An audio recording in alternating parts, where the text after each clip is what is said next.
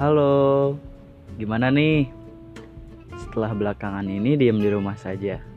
Pasti bosan kan? Gak tahu apa lagi yang harus dilakukan. Pasti ujung-ujungnya rebahan. Sama sih, ketika bete ataupun gabut, otak ini dipaksa produktif. Makanya gue bikin podcast. Tujuan bikin podcast tuh sebenarnya ya sebagai media curhat sih. So, tunggu curahan hati gue. Sampai jumpa di podcast yang akan datang. Gua Yoga. Woyo.